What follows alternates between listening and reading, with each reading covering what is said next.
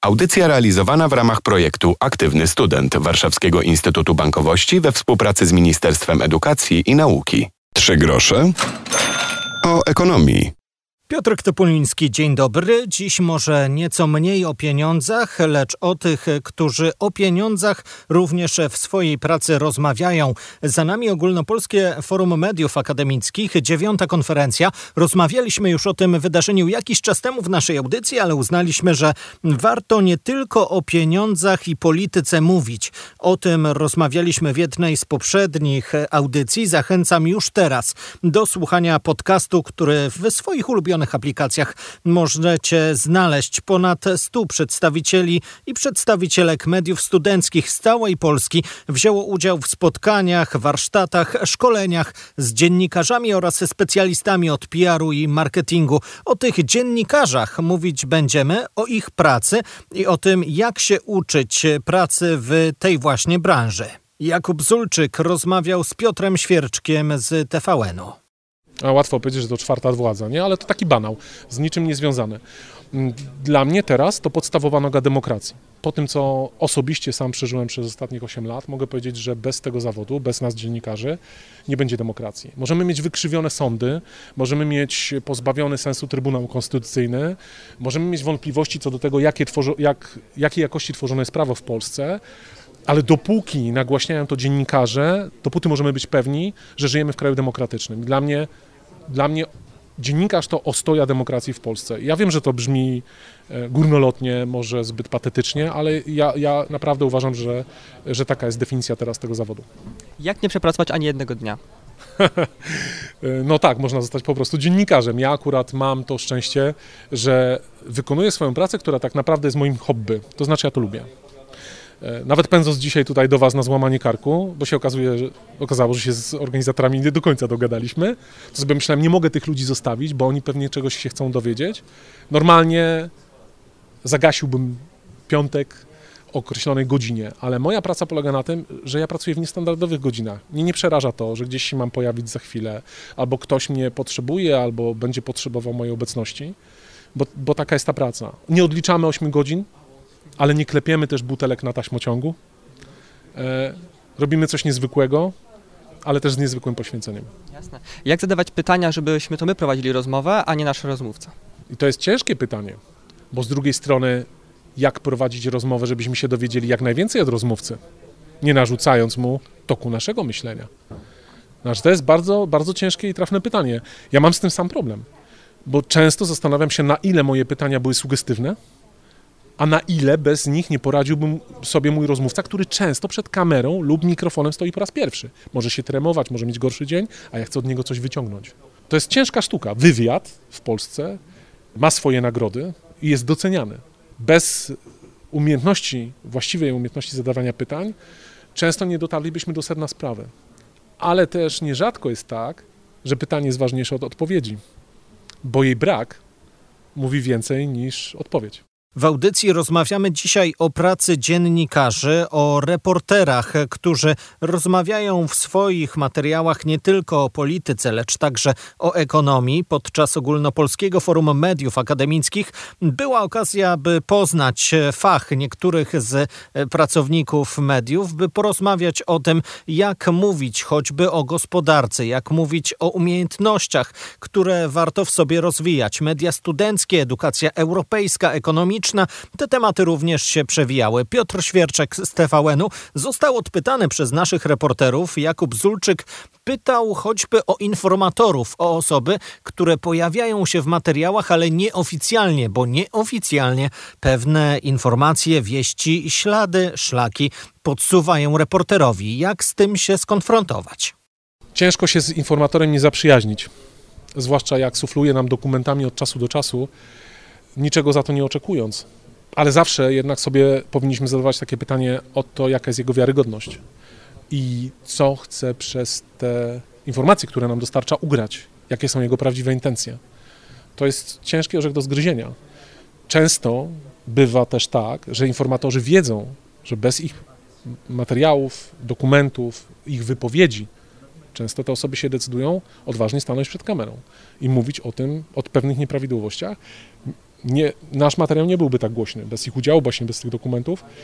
Innymi słowy, czasami wisimy w, cudzysłowie na, na tych informatorach, no ale to już zależy od y, naszej fachowości, na ile jesteśmy w stanie oddzielić tą, tą, ten profesjonalizm od, od takiego zwykłego dziennikarskiego zachowania, by jednak te papiery uzyskiwać.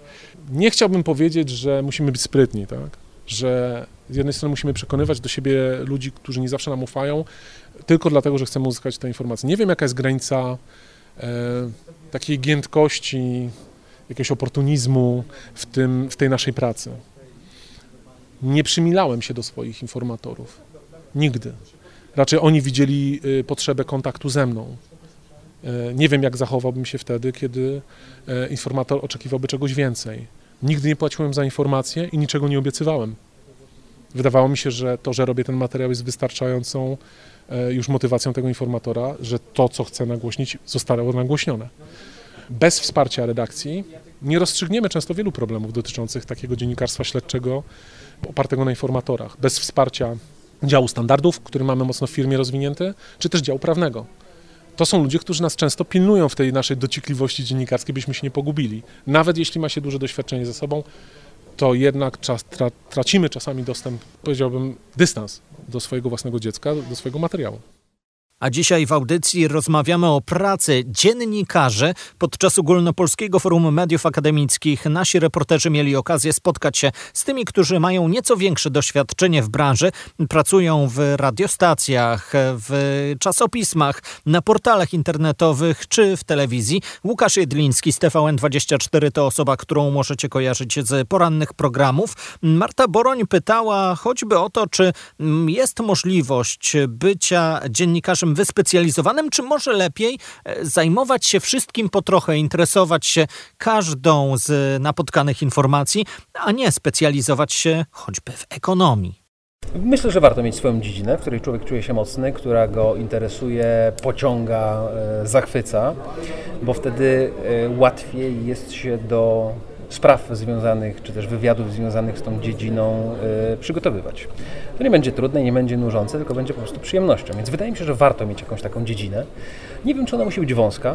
Mm, warto mieć warto mieć własną dziedzinę, w którym człowiek jest ekspertem, ale wydaje mi się też, że nie należy się zamykać na to, by spróbować swoich sił dziennikarskich, rzecz jasna, E, w dziedzinach, które są kompletnie nam obce mm, i które nie wydają nam się tak pociągające, bo można je robić i można się nimi zajmować, jeśli oczywiście człowiek się będzie odpowiednio do tego przygotował.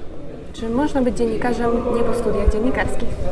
Można, można. Znam wielu świetnych dziennikarzy nie po studiach dziennikarskich, więc zdecydowanie tak. Nie trzeba kończyć studiów dziennikarskich, żeby być dziennikarzem wybitnym, świetnym, to nie jest warunek konieczny. Mało tego, wydaje mi się, że ktoś, kto kończy jakieś inne studia, to właśnie ma tę dziedzinę, e, w której jest ekspertem. To znaczy, tak jakby te studia go systemowo w tej dziedzinie wyposażają, przygotowują, wzmacniają, co nie zmienia faktu i co nie oznacza, że jak już będzie tym dziennikarzem, musi w swojej dziedzinie się zamykać i musi w swojej dziedzinie pozostawać.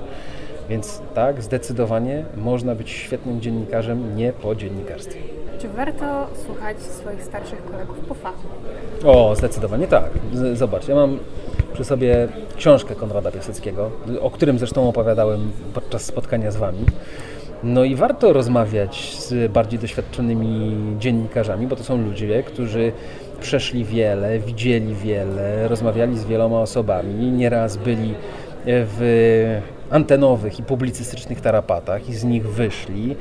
Mm, popełnili pewnie sporo błędów i na nich się nauczyli, więc y, dzięki takim rozmowom takich błędów można unikać. A poza tym bardzo często są to ludzie, którzy są kopalnią anegdot, ciekawych historii, no i mogą być y, inspirujący. Zwłaszcza gdy mówią o swoich początkach, a na przykład teraz okazuje się, że są to dziennikarze w gablotce z wieloma nagrodami, prowadzący topowe programy, na przykład publicystyczne. Więc nie, warto, warto rozmawiać, zdecydowanie tak. I ostatnie pytanie, jak zrobić detoks informacyjny? Nie wiem, nie mam żadnego pojęcia. Ja jestem, ja odniosłem w tej dziedzinie kompletną porażkę. Dlatego, że próbowałem na wielu urlopach y, odciąć się od informacji, Nie wyszło mi to, nie dlatego, że odczuwałem jakiś gigantyczny głód informacyjny, tylko chyba na pierwszy plan wjeżdżało jakieś takie złe przyzwyczajenie. Jakieś po prostu bezmyślne scrollowanie pewnego portalu, w którym pojawiają się newsy, one nie mają ze sobą żadnego związku. Później pojawia się jakaś bijatyka między uczestnikami, oczywiście w cudzysłowie, uczestnikami jakichś dyskusji, które przybierają formę tweetowych awantur. I nie wiem w sumie dlaczego, ale no bardzo często mimowolnie marnuje czas na to, ale jest pocieszenie.